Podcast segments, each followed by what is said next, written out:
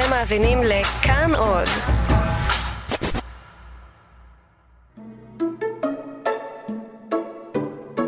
אישה הרוצה להיות מארחת למופת, חייבת להתמצא בענייני דיומה, לקרוא עיתון ולגלות בקיאות כלשהי בנושאים המעסיקים את שאר האורחים, אך אל לה להפגין את ידענותה ואל לה להסתכן יתר על המידה בנושאים שאין היא מצויה בהם. את המארחות אפשר לחלק לשלושה סוגים.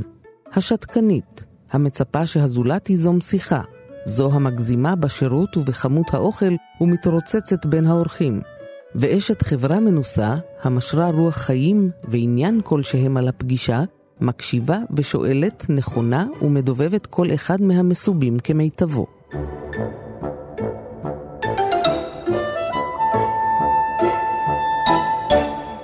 שלום, אתם מאזינים למדריך, תוכנית על ספרי הדרכה בתחומים השונים של החיים, שנכתבו מזמן. בכל פרק נבחר אחד מהם, נפתח את קפסולת הזמן הזאת, וננסה לראות מה קרה אז ומה קרה מאז בתחומים שהספרים מדברים עליהם.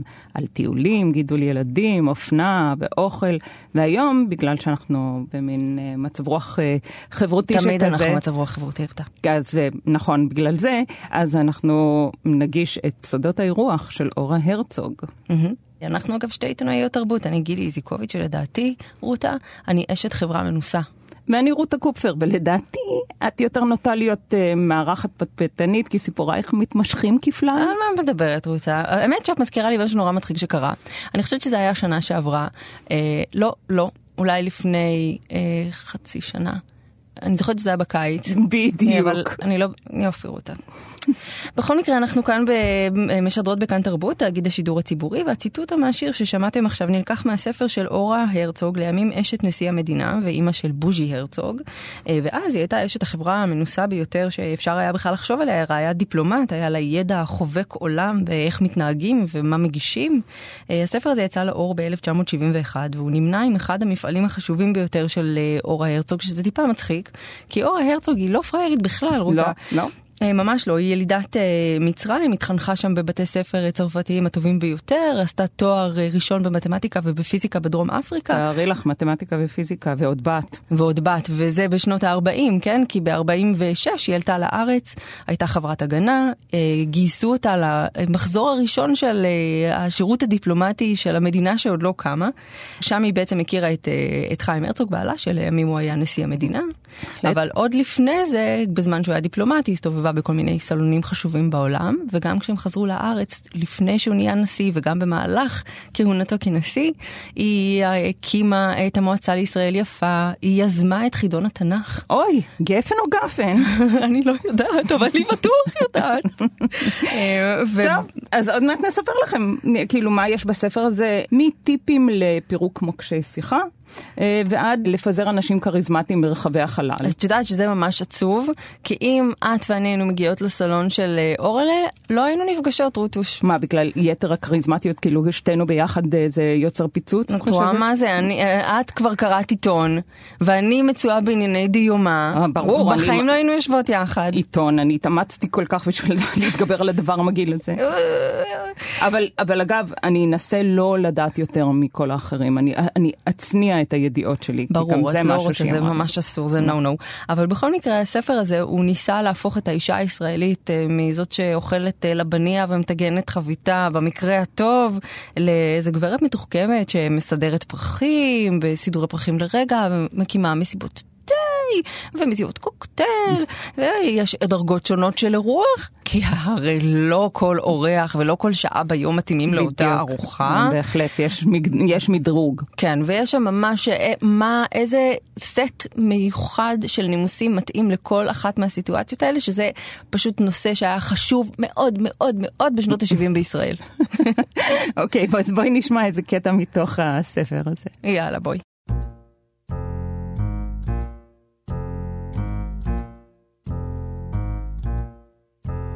אשת חברה מנוסה תימנע מלהביע דעה מוחצת על הבריות. אני מניחה שבחוג המשפחה תתיר גם האישה הזהירה ביותר את חרצובות לשונה, אף מוטב שלא תדון על זולתה, ולא כל שכן את זולתה באוזני זרים. לעולם לא תדע מתי תכשיל אותה לשונה בסבך החיים החברתיים. אישה המתמצאת ברזי החברה תוכל לעזור רבות לבעלה. רשימת המוזמנים נקבעת בדרך כלל יחד, זו פעולה משותפת המקשרת בין בני הזוג. הבעל יכול לייעץ בדבר התאמת אישיותם של האורחים. האישה תתעניין בפרטים קטנים כגון דיאטות, אהבת מאכלים, קפריסות. מה זה קפריסות? זה נשמע ממש מאכל טעים. קפריסות, רותה, זה מקפריסין. אם היית אשת העולם הגדול, כמו אורה הרצוג, אז היית יודעת שזה, שזה קפריסות מקפריסין. אוקיי. ואת יודעת מה אני אוהבת? שהיא מתארת שם איך אה, אסור להביע דעה מוחצת על אנשים, שאני, אין לי מושג כאילו מה גם זה. גם אני, זר לי לחלוטין. לא, בחיים לא עשיתי דבר אף כזה. פעם, כן. את יודעת מה, אפילו לא כאן באולפן הזה שאנחנו יושבות ושהיינו עם אה, מיקרופון צמוד אלינו, רגע לפני זה לא... ההקלטה כשהכל פתוח פה מסביב, וממש לא דנו לכף אה, חובה או זכות, אף אחד. אף אחת. אני לא מתירה את חרצובות לשוני בשום מקום. אה, לא שיפוטית בכלל. מה פתאום? אז את רוצה שניישם את אה, אומנות השיחה עוד מעט עם אחד האורחים שלנו? אני ממש? רוצה. כן, עופר בבלי הוא איש משרד החוץ וגם הנכד של חנה בבלי. וואו. ש... היא הייתה חתיכת כהנת, ייחס, כן. בהחלט, היא הייתה כהנת הנימוסים וההליכות הגדולה של החברה הישראלית משנות ה-60 ועד שכל העניין הזה של נימוסים נגמר. כן. אם, אם אי פעם הוא היה בינינו. אפשר יהיה לעשות את זה גם כשנארח עוד מעט את אה, נעמי אבליוביץ'. שהיא כן, היא מומחית קולינריה ולאירוח, והיא כתבה ספרים אה, בספרי בישול רבים, שנדבר גם עליהם. אה, אבל אולי לפני זה ניתן עוד כמה עצות כלליות מהספר של אורה, למשל ציירי תרשים של מקומות הישיבה ושקלית הרגשתו של כל אורח, האם לא יחשוב שקיפחוהו? אה, לא, תלוי כמה פולנים במוזמנים. או מן הראוי שאימהות בישראל תשתמשנה במפיות יום-יום כדבר מובן מאליו. יש להקפיד שהמפיות והמפות תהיינה נקיות ללא דופי ומגוהצות למשעי. שזה, היא אומרת, אגב, השתוממות על זה שאיזשהו אורח צעיר שלה קינח את האף שלו במפית שלה. כן, אני מתה על כל ה... את יודעת, כל המחברות ספרים שלנו, הן תמיד כזה נותנות דוגמאות של כל מיני אורחים או חברות, או אני לא יודעת מה. אולי ותמיד- אם זה לא קרה בחיים. ואת החרצובות הלשון שלהן שם, וואי וואי, כמה שהן משחררות. אז, אה, וב- אבל אם אנחנו כבר מכירים אה, את העניין הזה. אז כל הקטע הזה של לקנח, בין אם זה עם מפית מגוהצת או לא, את, אה, כאילו ליד שולחן האוכל את אמורה לקנח את האף שלך. כשאני הגעתי לכאן מהמערב, מהמערב. כש- כש- בתור ילדה שהגעתי מארצות הברית כן, לכאן, את חיית בארצות הברית מה, חצי שנה? מספיק עם זה כבר. לדעתי, זה שהצלחתי להתאפק עד עכשיו ולא להשחיל את זה, זה גם ראוי לאיזשהו פרס. בכל אופן, אז כשהגעתי לכאן, ואנשים באמצע הכיתה היו מוציאים מטפחת ומחצצרים, זה היה נראה לי כמעט כמו, לא יודעת מה, כמו שכשרואים בסין אנשים יורקים ברחוב, זה היה בערך מקביל לזה. למה את הולכת כל כך רחוק עד סין? תצאי החוצה, לכי בכל רחוב.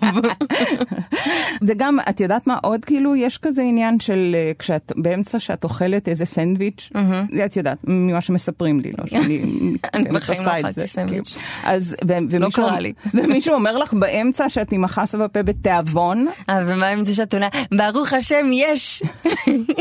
זה באמת שיא השיאים. מקסים, נכון? אה, אוקיי, אבל רגע, יש לנו עוד עצות מהספר. אוי. גילי, מה עם...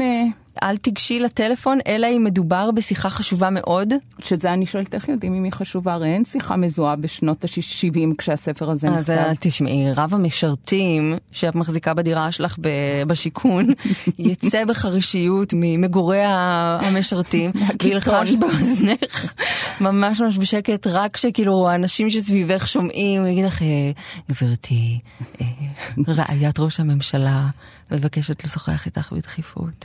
ואז את יודעים שזה חשוב מאוד. אוקיי, ואני, עצה אהובה עליי במיוחד, זה אל. תתקוטטי עם בעלך בזמן הארוחה, גם לא אחריה. אז מתי אני אמורה להתקוטט איתו בדיוק? אני לא יודעת, אבל צריך להכניס את זה ללוז, נכון? ואני מבינה שאת שואלת את זה כמישהי שמצויה תמיד או בזמן ארוחה או מיד בדיוק, אחרי. בדיוק. מתי אני אתקע את זה בלו"ז שלי? אבל את יודעת מה? בואי נחשוב על זה בזמן שנשמע שיר. יאללה. יאללה.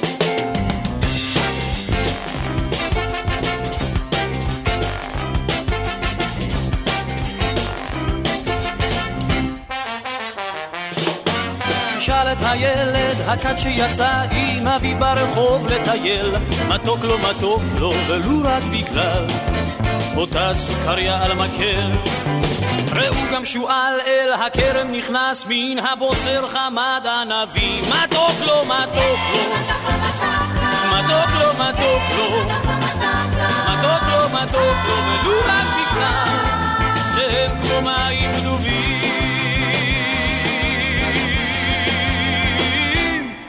מה טוב, הוא טעם החיים.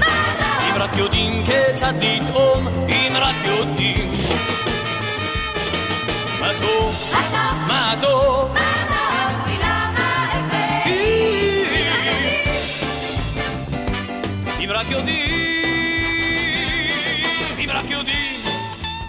הסיבה ששמענו את השיר הזה היא שהוא יצא ב-1971, אותה שנה בה יצא הספר שלנו. אה, ומה עוד קרה באותה השנה? בואי נשמע את הפינה ההיסטורית יאללה. שלנו. הפינה ההיסטורית. אחרי הרעש הגדול והזעזועים שהובילו ילדי הפרחים והתנועות לזכויות האזרח בשנות ה-60, נראה שתחילתו של העשור החדש מתונה יותר. בתחילת 1971 חוזרת החללית אפולו 14 מביקורה על הירח, ובהמשך אותה השנה, כחלק מהמלחמה הקרה, נשלחת לחלל אפולו 15. באורלנדו, פלורידה, נפתח דיסני וורלד. חברת אינטל משווקת לעולם לראשונה מיקרו מעבד, וקוקו שנל, לואי ארמסטרונג וג'ים מוריסון הולכים לעולמם. בארץ, לפחות בכל הקשור לתרבות, האופוריה של מלחמת ששת הימים עדיין ניכרת, אף שמתחת לפני השטח, התמימות והאחדות לכאורה מתחילים להתערער.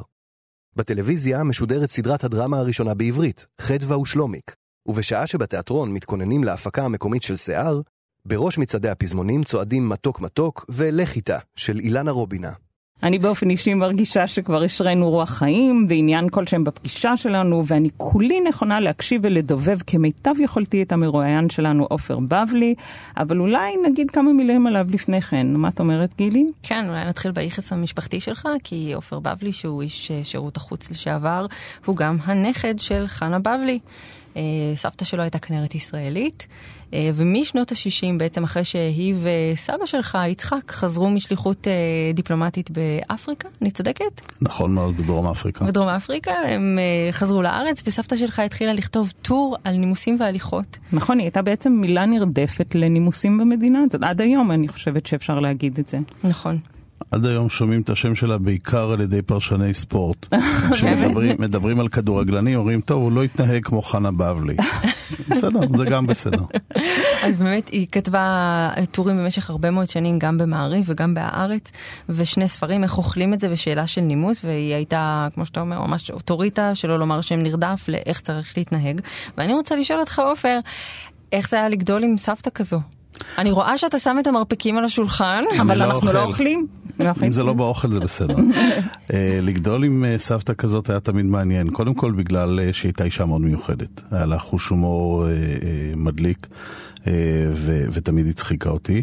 אה, שנית, בגלל שהיא הייתה אישה מאוד מעניינת, והיו לה סיפורים החל מהעלייה שלה כחלוצה בגיל 17 ל- לארץ ישראל, ועבור דרך הקריירה הדיפלומטית של אה, סבא שלי כשגריר, וכמובן הקריירה שלה כמדריכה ומורה לנימוסים והליכות. תמיד היה לה מה לספר, תמיד היה לה מה לדבר. איפה היא גרה?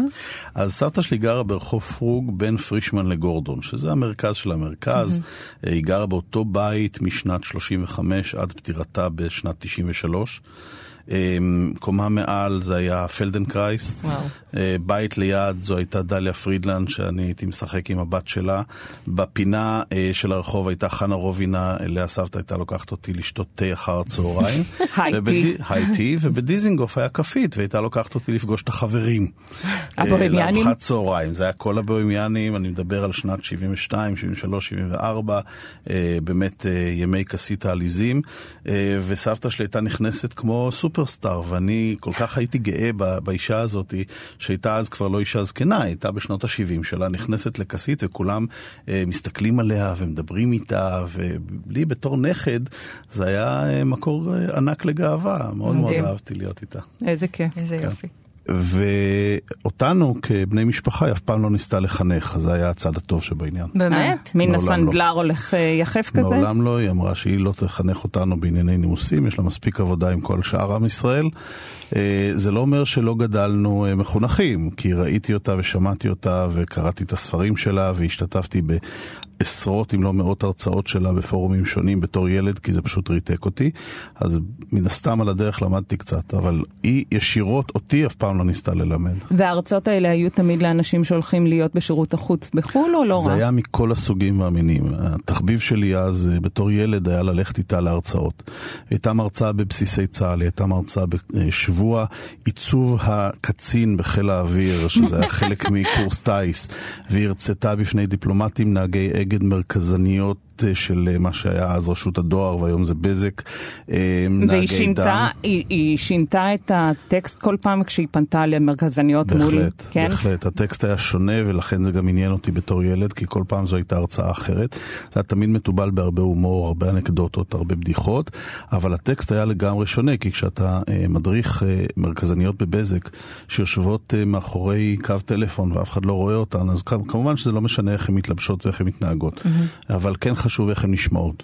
וכשאתה מדריך דיפלומטים, אז כמובן שיש אה, דברים אחרים, דגשים אחרים. וכשאתה מדריך אה, נהגי אוטובוס, אז זה גם כן, זה, זה סט שונה מאוד של כללים, והיא תמיד ידעה להתאים את עצמה גם ברמת הדיבור וגם בתוכן לכל קהל שהיא דיברה איתו. אז אני רוצה גם לדבר איתך טיפה על פערים תרבותיים, וגם אני רוצה לציין שאתה אה, המשכת בדרך של סבא שלך, כי הלכת אתה לשירות החוץ. אגב, יש, גם היום יש הדרכה כזאת של אה, דיפלומטים, או שאנחנו הדרכה. נחשבים לאנשי העולם הגדול כבר ולא זקוקים ברור, לזה? ברור, מה זה? א', תמיד צריך הדרכה. גם אנשי העולם הגדול וגם בקורסי צוערים בארצות אחרות היותר מתורבתות, גם הם עוברים אה, השתלמויות, כיוון שיש כללי טקס אה, ו- ופרוטוקול שאף אחד לא נולד איתם ולא לומדים אותם בבית. מעניין אותי מה דיפלומטים זרים עוברים כשהם מגיעים לשירות אה, לישראל, בארץ. נכון, מה אומרים קודם להם? כל, קודם כל הם עוברים איזשהו. שוק מסוים, ויש בהחלט שחרור בעניבה. של העניבה, ואגב, משרד החוץ במשך הרבה מאוד שנים, אני לא יודע אם עדיין היום, כי אני כבר כמה שנים לא שם, אבל במשך הרבה מאוד שנים, כולל בתקופה שאני עבדתי במשרד, היה מוציא אה, מזכר אל כל השגרירויות הזרות בישראל בסביבות חודש אפריל, שאומר מעכשיו ועד נובמבר, כשאתם מגיעים לפגישות במשרד החוץ, אנא בואו ללא ז'קט וללא עניבה, לא נכון. כיוון שאם הם לובשים ז'קט ועניבה זה אז מחייב גם גם אנחנו אותנו. חייבים. והממו הזה יצא לכל השגרירויות כל שנה בסביבות חודש אפריל. מעניין. עד נובמבר, בואו בלי עניבה, וככה כולנו הרגשנו יותר טוב. האמת, בעניין העניבה, אני חושבת שבארצות הברית או באנגליה, ב- ב- כמו שאתה אמרת, מדינות מתורבתות יותר, אה, בן לומד לאנוב עניבה בגיל צעיר. זה משהו שאתה כאן יכול לחיות את כל החיים שלך ולא לדעת איך לעשות את הפעולה הפשוטה כן, הזאת. אם כי פחות ופחות. ככל שהשוק הישראלי נפתח לשווקים זרים, ככל שהחברות הישראליות אה, מייצאות יותר ו- ופוגשות יותר חברות זרות, לומדים את כללי הפרוטוקול שלהם ו- ונאלצים אה, להסתגל לסגנון הלבוש של אנשי עסקים בעולם. אה, בשנות ה-70 לא עשינו כל כך עסקים עם העולם, חיינו בתוך עצמנו וגם ראשי ממשלה פה הלכו עם חולצה פתוחה. כן. היום אני חושב ששרי ממשלה לא תראי אותם כמעט אף פעם ללא עניבה, mm-hmm. לפחות עניבה אם לא ז'קט, וכמובן שכל קהילת אנשי העסקים בישראל היום הם לובשים חליפה כעניין שבשגרה, אה, כיוון שהם מתעסקים ב- בתחום שבו הבינלאומיות היא המרכז, ואתה מתאים את עצמך. אבל עדיין יש פערים ב- בנימוס. אה, אפילו, אפילו בשיחה, אני זוכרת שקראתי באקונומיסט, פעם היה משהו מאוד מפורסם של אה, מה אנגלים אומרים. מה הם מתכוונים ומה אנשים באיחוד האירופי שומעים, אוקיי? וחשבתי צריכה להיות עוד רובריקה של ישראלים, מה הישראלים שומעים. למשל, כשהם אומרים, אה, אה, וואו, זה ממש רעיון אה, מקורי, אז הם מתכוונים, זה רעיון לא. מטורף. האיחוד האירופי שומעים, "מ, אני כאן חידשתי להם משהו, וגם אני מניחה שהישראלים עוד יותר יקבלו את זה כמחמאה. אפילו נדמה לי שהיה איזה שיחון כזה ישראלי ש- אה, לדיפלומטים שאמר, כשאמריקאים אומרים לכם, זה מעניין, הם מתכוונים, זה זה, לא לא מעניין." מעניין. נכון, את השיחון הזה כתב אה, עמית שלי במשרד החוץ, יגאל פלמור, אהה. אה, שהיה במשך הרבה מאוד שנים דובר משרד החוץ, ולכן מ- מטבע הדברים הכיר גם דיפלומטים, גם עיתונאים זרים, והוא כתב בעצם את הלקסיקון למה מתכוון הזר כשהוא אומר. אה, וזה היה כמובן מאוד משעשע, אבל היה בו כמובן גם גרעין גדול מאוד של אמת. אה, וכשאתה עובד ב- ב- בזירה הבינלאומית, אז אתה לומד אה, לקרוא את השפה, לא רק את השפה המילולית, גם את שפת הגוף.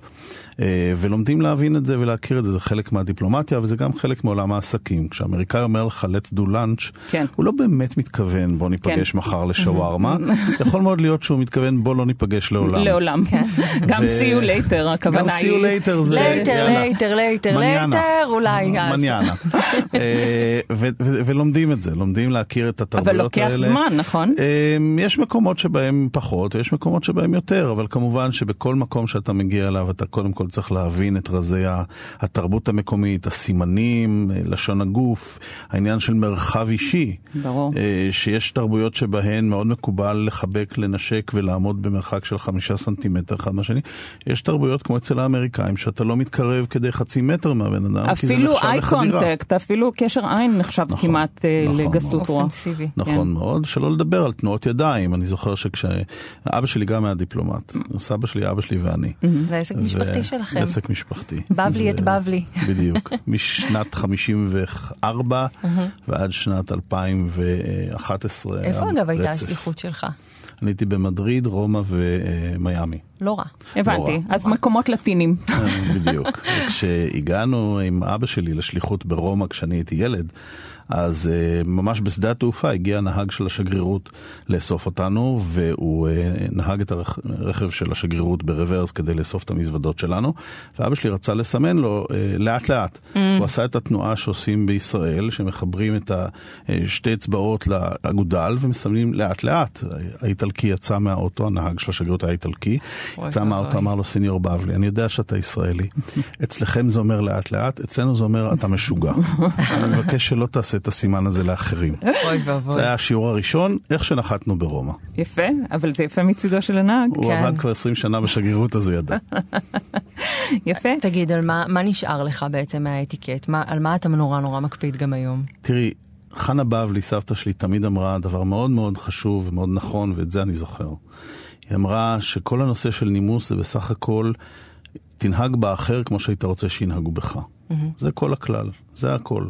תתנהג עם אחרים כמו שהיית רוצה שהם יתנהגו. זה אומר לא לדחוף, זה אומר לא להידחף, זה אומר לא לדבר בפה מלא, כי אנחנו לא רוצים שמישהו ידבר בפה מלא מולנו.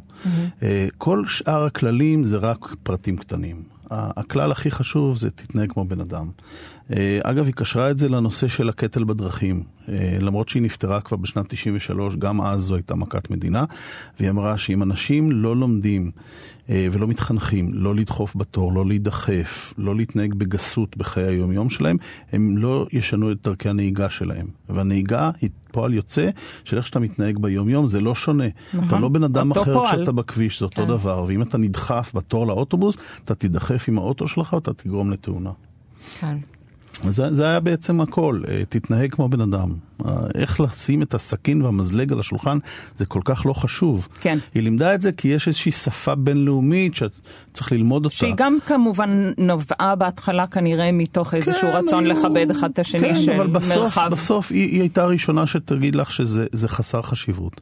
ההתנהגות שלנו כלפי הזולת, הכבוד לזולת, הכבוד ל, ל, למישהו שמדבר ואתה לא מתפרץ לדברים שלו, הרבה יותר חשוב מאשר באיזה צד של הצלחת אתה שם את הכפית. זה מעניין מאוד. הספר שלנו, שאנחנו מדברות עליו עכשיו, הוא בעצם ספר על אירוח, אה, והוא ממש נכתב כמדריך לנשים. כאשת אה, דיפלומט, מדריך לנשים על איך הן אמורות לארח בצורה מיטבית בבית. בעוד שהיא עצמה הייתה, אה, למדה מתמטיקה. ופיזיקה, הייתה מרצה. ב... וגם אשת דיפלומט, כן. אבל אה, האם גם היום כל עניין האירוח בשירות החוץ הוא עדיין על כתפיה של רעיית הציר הדיפלומטי? גם אם היא בעצמה פרופסור לאסטרופיזיקה. אז קודם כל, היום יש הרבה יותר נשים בשירות החוץ מאשר גברים. עדיין לא מספיק. עדיין לא מספיק, ואנחנו לא, אני חושב שאנחנו לא נהיה עדיין אה, נורמליים עד שלא יהיה לפחות 50% מסגל אה, אה, שירות החוץ הישראלי נשים. אה, אבל יש בהחלט נשים, יש נשים שגרירות, אה, וכשאישה שגרירה יוצאת לשליחות אה, בחוץ לארץ, אז זה מובן מאליו לדעתי שבעלה הוא זה שיעסוק יותר באירוח, והיא תעסוק יותר בדיפלומטיה. אה, מן הסתם, כשהספר של הגברת הרצוג נכתב, וכשהמדריכים של סבתא שלי נכתבו, כשהיא הייתה רעיית שגריר והיא כתבה ספר איך לארח כי היא בעצמה לא ידעה והיא נאלצה ללמוד את זה. זו הייתה תקופה אחרת, שנות ה-50 וה-60, אלה היו תקופות שבהן האישה הייתה המארחת, והיא בדרך כלל גם לא החזיקה באיזושהי עבודה רצינית משלה. היום זה מאוד מאוד שונה, היום האירוח, אני חושב, נופל על שני בני הזוג, ואם אחד מהם יותר עסוק בגלל שהוא במקרה שגריר, אז הנטל נופל על בן או בת הזוג, אה, וזה יכול להיות גבר, אישה, או אה, בכל קונסטלציה, יש לנו גם הרבה מאוד במשרד החוץ זוגות חד-מיניים. Mm-hmm. אין שום קשר לדעתי היום לזה שזה אישה או גבר. ותגיד, אחד הדברים שהיא מתייחסת אליהם שם זה שאם יש טלפון, מותר לך לקבל את השיחה רק אם היא מאוד מאוד מאוד חשובה. Uh, היום אנחנו במצב שבו כל אחד מסתובב עם המכשיר הנייד שלו, ואני מניחה שכמו שאצלי בארוחת הצהריים אנשים מתעסקים עם הניידים שלהם, זה עניין. בחוץ לארץ יושבים עניין... עם הטלפון על השולחן? Uh, אני חושב שזו מכת, uh, מכה גלובלית, היא לא מכה רק ישראלית, אבל בפגישות רשמיות מקובל מאוד שהטלפון נשאר במכנסיים בכיס והוא כבוי. Mm-hmm. לא רטט ולא על השולחן. אני חושב שאם סבתא שלי הייתה בחיים היום, היא הייתה אומרת שאסור להכניס טלפון סלולרי למסעדה, הוא לא יכול להיות על השולחן, הוא לא יכול להיות כמובן באירוח אצל אנשים, לא המארח ולא המתארחים, לא יניחו טלפון על השולחן. אבל איך הם יצלמו את המנה? בדיוק. או, בדיוק, זו שאלה. או ישלחו וואטסאפ על, כמה, על מישהו שיושב לידם בשולחן. אני חושב כן. שאת הקונספט הזה סבתא שלי ממש לא הייתה מבינה בכלל, אבל למה מצלמים מנות, אבל אני חושב שהכלל צריך להיות מאוד מאוד ברור, מקומו של הטלפון לא נמצא בכלל, לא בפגישה, ודאי שלא בארוחה, לא על השולחן. גם אצל אה, הנכד של חנה בבלי? אצל אף אחד, לא. בפגישות הטלפון נשאר אה, כבוי, ובפגישות רשמיות אין לו שום מקום. Okay. תודה רבה לך, עופר בבלי, הנעמת את זמננו והתנהגת מאוד יפה. השתדלתי. תודה רבה. תודה, עופר. את יודעת, עוד כל עניין הניידים הזה בכלל גורם לי להרהר באופן שבו נימוסים אה, מושפעים מהתפתחויות טכנולוגיות. אה, כלומר, איך רשתות חברתיות וכל זה משפיע על איך אנחנו מתנהגים. זה ממש דורש מאיתנו להמציא קטגוריה שלמה של נימוסים, נימוסי רשתות חברתיות ונימוסים טכנולוגיים. נכון, אפילו באחד הפודקאסטים הקודמים שלנו, הכללים, אנחנו דיברנו על זה, שאיך כאילו יש את האתיקט סביב טינדר. אני יודעת שלמשל אימא שלי פעם שלחה בוואטסאפ המשפחתי, שלחה לילד... ילדים אה, במקום לייק, כאילו במקום אגודל מונף, אצבע משולשת. זה כמו שאסור לסיים הודעה בוואטסאפ בנקודה, כי זה נחשב לא מנומס. נכון, או כשאני למשל כתבתי לך משהו בקאפסלוק, כי כולי התרגשתי. אבל אני הבנתי את זה כאילו צעקת עליי. נכון. אז העולם הזה, החדש שלנו, מצריך נימוסים חדשים, כן? זאת אומרת, אה, איך רומזים למישהו בחדר כושר שיפנה כבר את המכשיר, או איך אה, מחמיאים למישהו על אף חדש שיש לו. מחמיאים למישהו על אף חדש? את יודעת מה אמרו לי פעם? שאת צריכה להגיד עם מישהי שעשתה נגיד מתיחת פנים או משהו, את אמורה לבוא ולהגיד לה, עשית משהו יפה בשיער. ואז אה, ככה עברת את זה, זאת אומרת, גם התייחסת, לא uh-huh. התעלמת מזה שלבן אדם יש פרצוף חדש, כן. אבל לא הפנית את תשומת הלב שהוא כרגע עבר ניתוח. וזה הזמן להציג את המרואיינת הבאה שלנו, נעמי אביליוביץ', חוקרת קולינרית, עורכת ומחברת ספרי בישול, ובהם רבע עוף לחתונה מוצלחת. ספר בישול שהוא בעצם גם ספר המתעד את התרבות הקולינרית סביב אוכל של חתונות. היי, היי נעמי. היי. אה, ואם כבר דיברנו על פערי זמן ושינויים בנורמות וכאלה, אנחנו רוצות להתחיל בציטוט מהספר, בסדר? בוודאי. יותר ויותר נוהגים עתה להניח סיגריות על שולחן ערוך. רק במדינות שמרניות כגון אנגליה וצרפת אין הדבר מקובל ביותר. רווחת דעה שהעשן פוגע בהנאת האכילה ולכן לא מקובל לעשן ליד השולחן עד לאחר המנה העיקרית. השתמשי במאפרות כבגורם קישוטי תוך הפעלת חוש הדמיון. את יכולה לקשט את שולחנך בשני ריכוזים של סיגריות מכל צד של הקישוט המרכזי, או לפזר סיגריות בין כל שתי צלחות.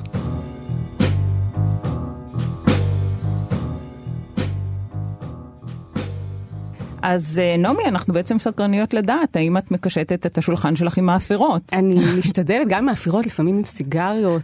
כבויות. אבל מלאות המאפרות, או שרוקמת אותן לפני? השקעת קצת? תגידי את האמת. אה, כשאני זוכרת אני מרוקנת. זה בגלל שאת באה ממדינה שמרנית? תגידי את האמת, אה, שאת לא עושה את זה בגלל זה? יש, יש מצב. גם uh, הציטוט שם נגמר בזה שגם uh, סיגרים לא מניחים על השולחן, אלא מגישים אותם לגברים עם הקפה. נכון. רק לגברים. כן, ברור, יש, בכל הספר יש איזה מין... כל הזמן אומרים לא להושיב אישה רווקה mm-hmm. ליד גבר נשוי, ובכלל לא להושיב אה, נשים יותר מדי ליד גברים, אלא אם כן זאת אישה שיש לה מה להגיד, נכון? ככה היא מוגדרת. גולדה, שימי באמצע, אבל כן. אם זה לא גולדה... חס וחלילה. תקיעו אותה בצד איפשהו, באמת, מה את צריכה אותה שם? אישה צריכה לדעת את מקומה. אבל תגידי, נעמי, היום אנחנו בזמן כזה שבו לעשן במרפסת נחשב לפעמים לגסות רוח, והיא מדברת פה על להניח סיגריות כי זה סממן לאירוח אה, מתוחכם במיוחד. ו- ואלמנט דקורטיבי. ואלמנט כן. דקורטיבי. עכשיו, זה משהו נעל... שנעלם לחלוטין. תלוי עוד... איפה. כן? כן. אני אגיד לך, בנגיד יפן, mm-hmm. אה, שאי אפשר לעשן ברחוב נגיד, אי אפשר לעשן בשום מקום. אם את, אם את שם ואת רוצה לעשן ברחוב, את צריכה להגיע לאזור שבו מסומן על הרצפה, שפה מותר לעשן, ובאמצע המדרך, בדרך כלל אתה הולך ברחוב ויש בזה פינה במדרכה שרואים בה 30 יפנים עומדים ומעשנים במטר מרובע. וואלה. רק שם מותר לעשן, ולעומת זאת, בכל המסעדות ובחדרים בבתי מלון אין שום בעיה לעשן. אז את אה. יכולה ללכת למסעדה עם האוכל הכי טוב, ויושבים עלייך ומעשנים עלייך, וזה הורס לך את כל הארוחה. מדהים. אבל עדיין ב... היום. וגם בבתים, זאת אומרת, זה יהיה יותר אה, לא מנומס לא לאפשר למישהו לעשן בבית שלך, או להפך. שמה? כן. שמה, אני לא יודעת, לא הייתי בבית, הבנתי. אה, אצל יפנים, אבל במסעדות, אני יודעת שבמלונות אתה ממש צריך להתעקש לבקש חדר שלא מעשנים בו. Mm-hmm. כי יש מקום, זאת אומרת, במלון מותר לעשן בחדר, ובמסעדה, מעניין. אתה יושב ומעשנים עליך, שזה אף, מדהים. גם עכשיו, זאת אומרת, כי הבנתי שזה נכנס אפילו לשם העניין הזה. אבל זאת אומרת שברחוב... ברחוב אסור, שזה טוב. מדהים. כמו שגם אסור ברחוב לאכול. אז תספרי לנו קצת. אסור ברחוב לאכול? את יודעת שסבתא שלי, שמנוחתה עדן, כן, שתקה עליי איזה שבועיים, אחרי שהיא ראתה אותי הולכת ברחוב עם פלאפל. אה, מאיפה סבתא שלך? סבתא שלי אירופאית עדינה כמובן, מרומניה, נו, מהקרפטים, לא זה. יש, כן, יש מקומות שממש אסור לאכול מהם ברחוב. גם באיטליה. ובמיוחד אישה. כן. נכון. ממש, אישה, הייתי בת עשר, כאילו. את בדרך, את בדרך. אפשר כבר לחתן אותך בתרבויות מסוימת. אז תגידי, נעמי, אבל אה, קראת את הספר הזה של אורה, ספרי לנו מה ככה, אמרת שאת רוצה להחזיר אותו, אמרת לי לפני השיחה.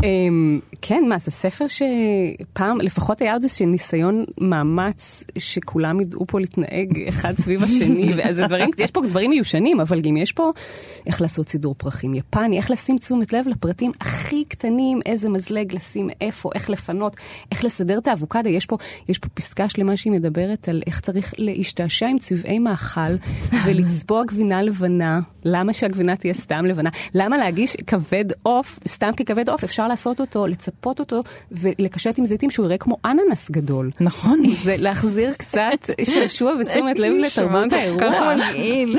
וגם מי לא רוצה ככה לבוא לקראת אננס ובעצם לקבל טעם של אבק. ולגלות שזה כן, כבד. בדיוק. היום אה, מקובל להגיש אה, נגיד אה, את האוכל בצבע הטבעי שלהם, ואני מבינה שבתקופה של אורה הרצוג... לא כזה. יש פה ככה, היא מתייחסת לנושא. היא מדברת על צבעי מאכל, לימדי להשתמש בצבעי מאכל. חשוב מאוד. הם מצויים בשוק, תוסיפי צבע ורוד או ירוק לגבינה לבנה, למיונז, לגלידה. למיונז, איך בא לי? לימדי להכין כריש. וכמובן, על ממרח הכבד, מה נדוש להכין את ממרח הכבד לפי הנוסחה המקובלת במסעדות? נדוש כל כך. אם רצונך להיות המקורית מאוד, הכיני אננס עם כבד קצוץ. סביב הקערה, המשמשת לג'לי לחצי ממרח כבד מעורב במיונז. רגע, רגע, אנחנו יכולות להתעכב על הקערה המיועדת לג'לי? זה הכריש, זה בעצם, זה הג'לי של הגפילטה, כאילו, ג'לי מלוח. זה הכריש שאני מכירה מלטעות. ואז היא אומרת, צקי, על כל זאת צקי ג'לטין, אף הוא מעורב במיונז. Mm. קשתי בפרוסות זית ממולא, ועל כל אלה הוסיפי ראש של אננס או עלה אחר. זהו תחכום. תראי, אני חושבת שהיא פשוט קנתה אננס, יש לה איזה אובססיה של אננס. כן, כן. קנתה הרבה אננס בשוק, ואז היא לא יודעת מה לעשות עם כולם. איזה אננס בשוק? בשנות ה-70 מי ידע מה זה אננס שלא נכון, בתוך שימורים? סליחה, אננס נכון. בקופסת שימורים. נכון, אבל היא לא, לא הייתה, היא נכון, היא מחו"ל. זהו, איפה שיש לומדים דרך עץ. יכול להיות שזה גם הסיבה את הספר, היא אמרה, טוב, אם אני... לא, אם ברור. מוחמד לא יבוא להר, לא, היא באה לתת מניסיונה, ברור. ללבנט, היא זה- מגיעה ככה מארצות אירופה ללבנט. כן. לילידים. מלמדת את הילידים קולוניאליסטית. אבל הספר הצליח, את יודעת, אז זה אומר שהיה מי שרצה כאילו... כן, זה היה הצלחה? לשאוף, כן, זה לא ספר, הוא ספר שהתפרסם ונודע בציבור. מעניין מתי הוא יצא מהאופנה. זהו, זאת שאלה טובה, אבל כי- כמו הרבה ספרים, את יודעת שהם היו כאילו נכון, על המדף. תמי סירקיס, שזה היה בשנות ה-70, עד. היום נמכר, רות סירקיס, כן. עד היום זה נמכר. נכון. עד היום הוא- נכון. ועד היום הוא רלוונטי. כן. למרות כולם רוצים לדעת איך. מכינים פיצה פיתה. ו- או פיתה פיצה. ומשה בתיבה. משה בתיבה. נכון. זה ככה להכניס קצת אה, שעשוע. שעשוע ושמחה וככה מקום ל- לאירוח. אבל ספרי לנו קצת טיפה על האטיקט במקומות אחרים בעולם. בדרך כלל לפני שאני נוסעת לאנשהו, במיוחד אם זה מקומות אקזוטיים, אז אני עושה תחקיר כדי שנדע מה מותר ומה אסור. אה, לפני שנסענו לקוריאה, אז דיברו על זה שאסור לגעת שם באנשים.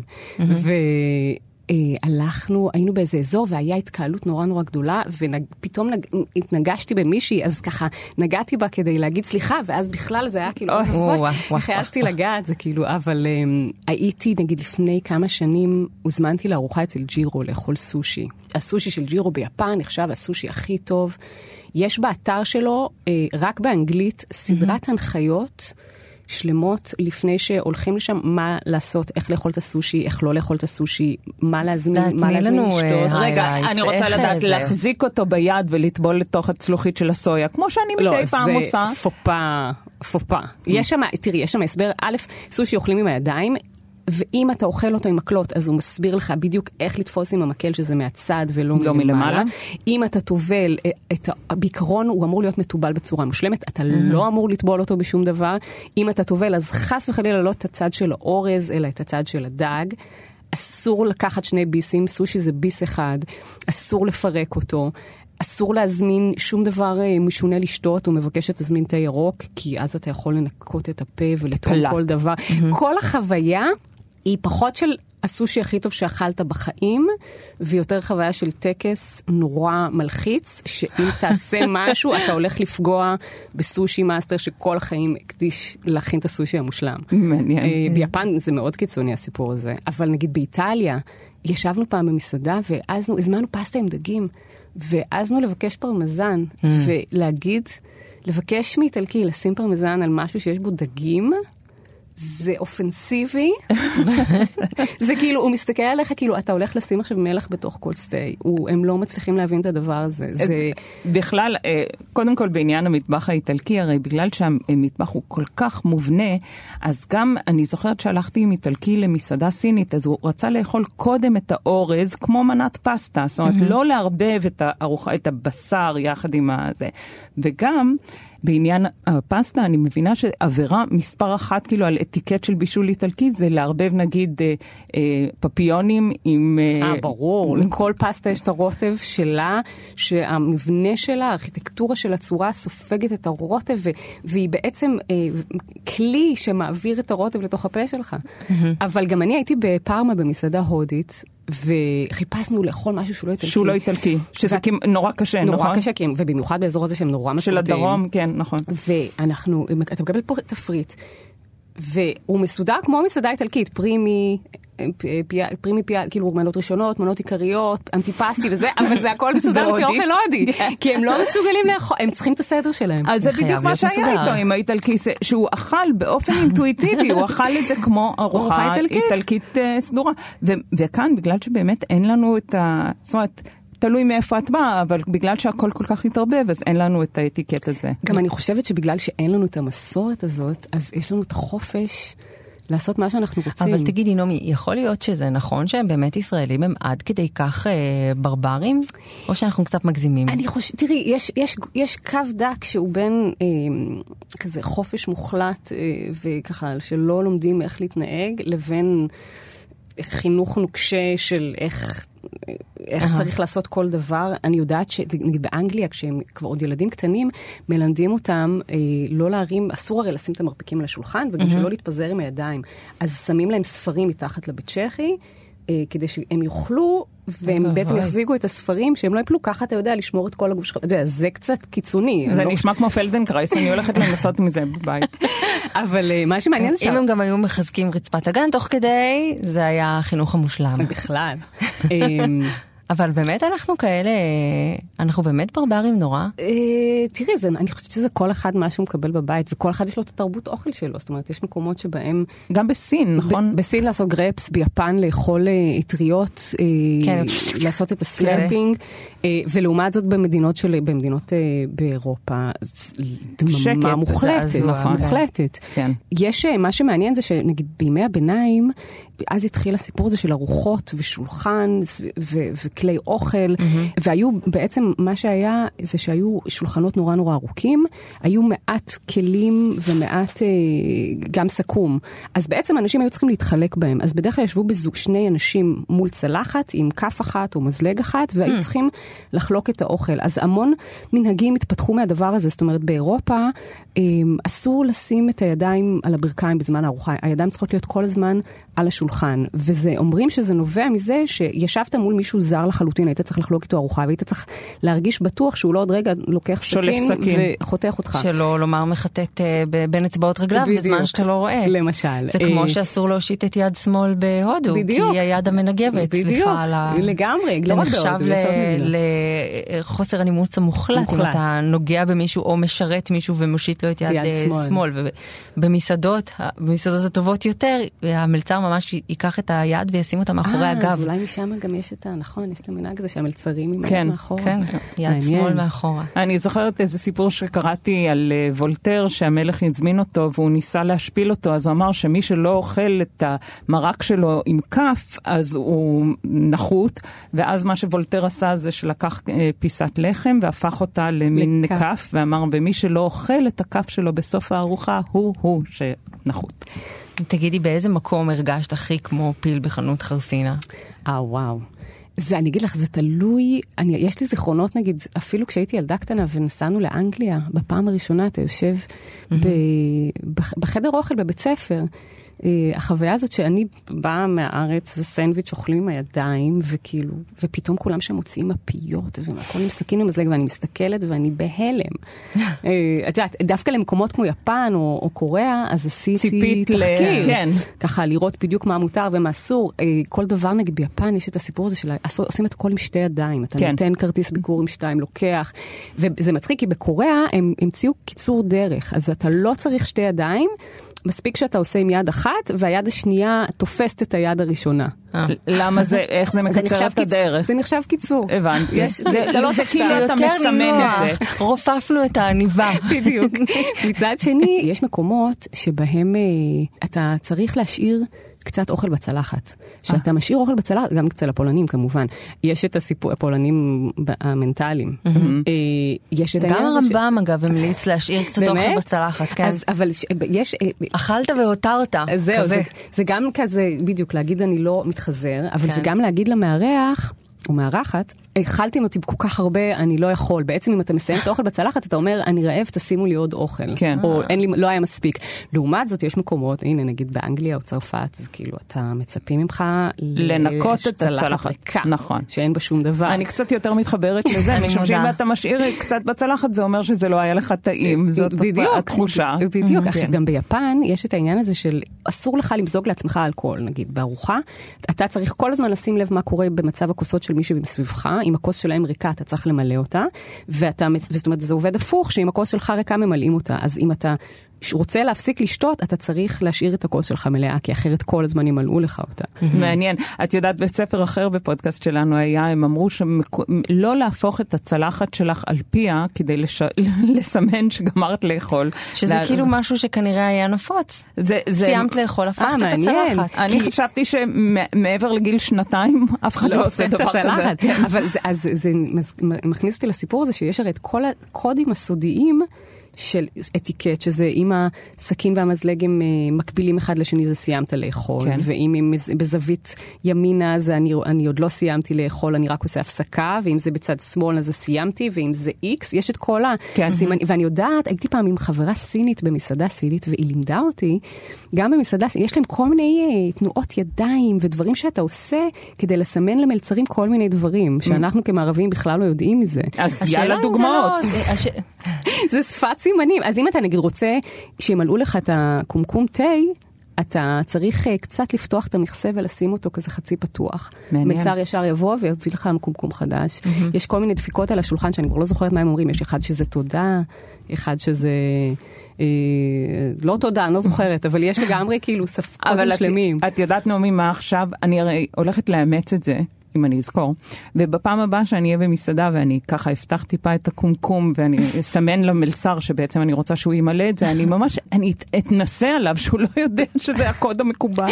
אבל תגידי נעמי, איפה יש, אה, איפה אנחנו מגיעים לרגע הזה שבו נימוסים הם נהיים ממשהו שנועד לש- לשרת אותנו וליצור באמת אווירה נעימה למשהו שהוא מעיק. הטרחה. נגיד, הטרחה, נגיד אה, רותה ואני דיברנו על זה ורותה סיפרה שבארצות הברית הכמות סליחה סליחה סליחה שתקבלי בכל פעם שאת בכל רגע, את לא, עוברת זה ברחוב, נורא. כל הזמן, סליחה, סורי, סליחה, סורי, סליחה, כן. נכון? זה, זה גם באנגליה, זה גם סוג של פאסיב אגרסיב. זה לא לגמרי, סליחה. פס- זה בדיוק, זה כאילו- תעופו לי מהעיניים, הרי זה תפנו לי את. ההטרחות, כן. הטרחת ההטרחות, אז איפה עובר הגבול הזה? מה אנחנו צריכים לחפש? אני חושבת שזה הטרחה. יש דברים שהם לא נעימים לאנשים מסביב, אם אתה יודע, אם אתה לועס בפה פתוח ואתה מדבר תוך כדי שאתה אוכל והאוכל נופל לך מהפה, זה משהו בסיסי שכדאי לשמור שלא. אני חושבת שכל ה... אה, הדברים הקטנים האלה של לאכול עם הסכין הנכונה וחס וחלילה לא להשתמש ב... לא, לת... יודע, ל- ל- לא להשתמש בכף לגרוף את האוכל למזלג, אלא אחר כן, לא זה- להטות את הצלחת אלייך אלא ל- לכיוון השולחן, זה, זה... זה, קצ- זה, גו- זה גובל בהפרעה אובססיבית קומפלס- אז אם, אז אם כבר. אנחנו מדברים על אה, הפרעה, הפרעות, כן. הפרעה קומפולסיבית, ומהפרעה להפרעה. אז, אז נדמה שגם היום, כאילו לארח היום נהיה עוד יותר קשה, משום שיש את כל האובס... לא נקרא לזה לא אובססיביות, לגמרי, כל אבל... אחד יש הפרעת אכילה קטנה יש- וחמודה משלו. אה, לפחות אחת. אחת בדיוק. אחד הוא אלרגי לצדפות, בבקשה, ואחד הוא שומר על כשרות, והרבה הם צמחונים, שלא לדבר על טבעונים. וגם יש אני בזה... נמנעת מגלוטן, אני לא אני אוכלת לקטוז. אני- וגם יש בזה סוג של אני אחר, אני שונה, אני צריך יחס מיוחד, אני צריך שידאגו לי נכון. במיוחד, אז זה שיטפלו בי. יותר מורכב היום לארח מפעם? אולי במסעדות זה קצת, זה, אתה יודע, זה, זה גם קצת לתת מקום למיעוט. זאת אומרת, אני חושבת שאנשים נגיד שהם אה, אה, אלרגיים לגלוטן ולא יכלו כל השנים ללכת למסעדות, ופתאום יש איזו הכרה בדבר הזה, אז אני חושבת שאותם זה כן משחרר. אבל זה נכון שיש גם את הסצנה הזאת של הארי פגש את סאלי, שהיא כן. מזמינה, וזה זה בצד. בצד, זה, כן. זה, זה, זה אני צריכה תשומת לב שהתייחסו אליי במיוחד. זה, זה הפרעה, זה לא... אוקיי. נראה לי. אה, נעמי, תודה רבה. אה, נעמי אבליוביץ', חוקרת קולינרית, עורכת ומחברת ספרי בישול. תודה לך שהיית איתנו. תודה, היה לי כיף. גם לנו. ועכשיו נשמע שיר. הבוקר בא כל כך מהר, ואי אפשר להישאר. צריך לקום להתעורר, ללכת אל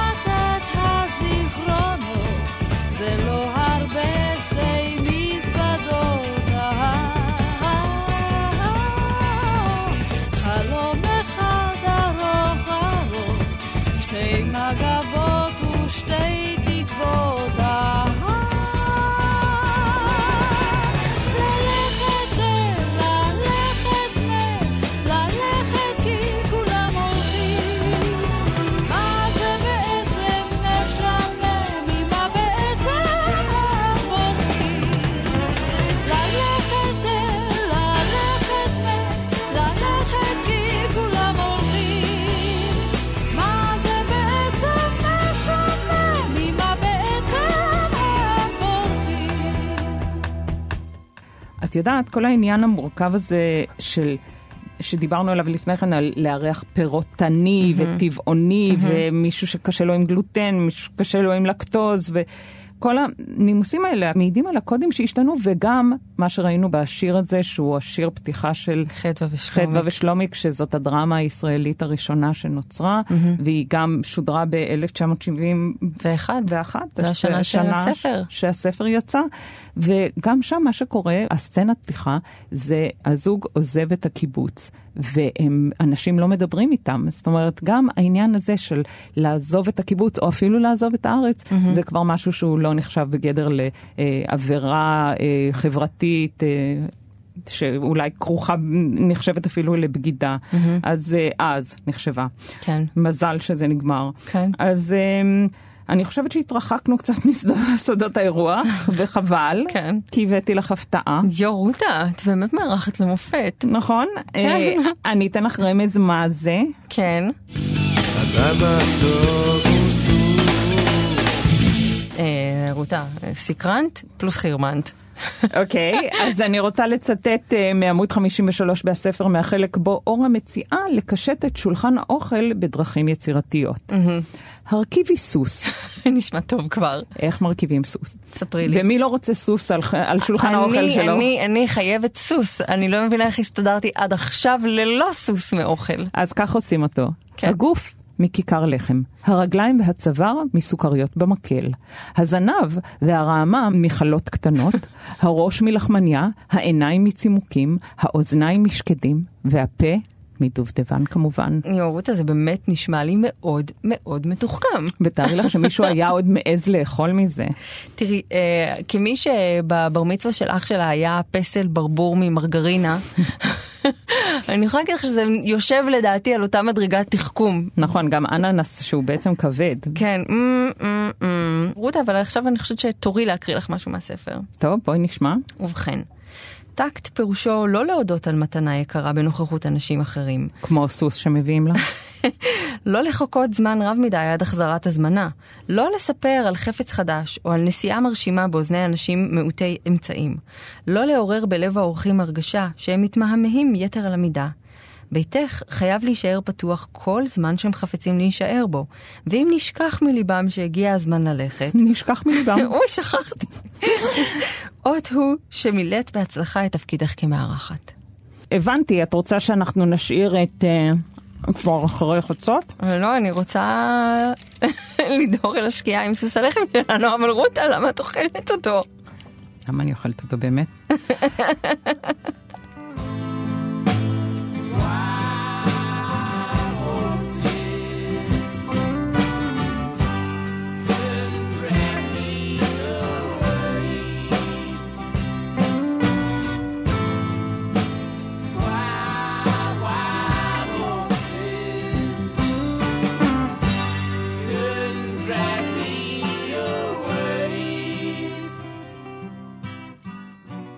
תודה לקריינים ענת הראל ואיתי מרקסון, למפיקים שלנו ירדן מרציאנו ורומטיק. אז אני הייתי רותה קופפר. ואני גילי איזיקוביץ', וזה היה המדריך בכאן תרבות, תאגיד השידור הציבורי. רותה, תפסיקי לאכול את הזנב של הסוס. Now you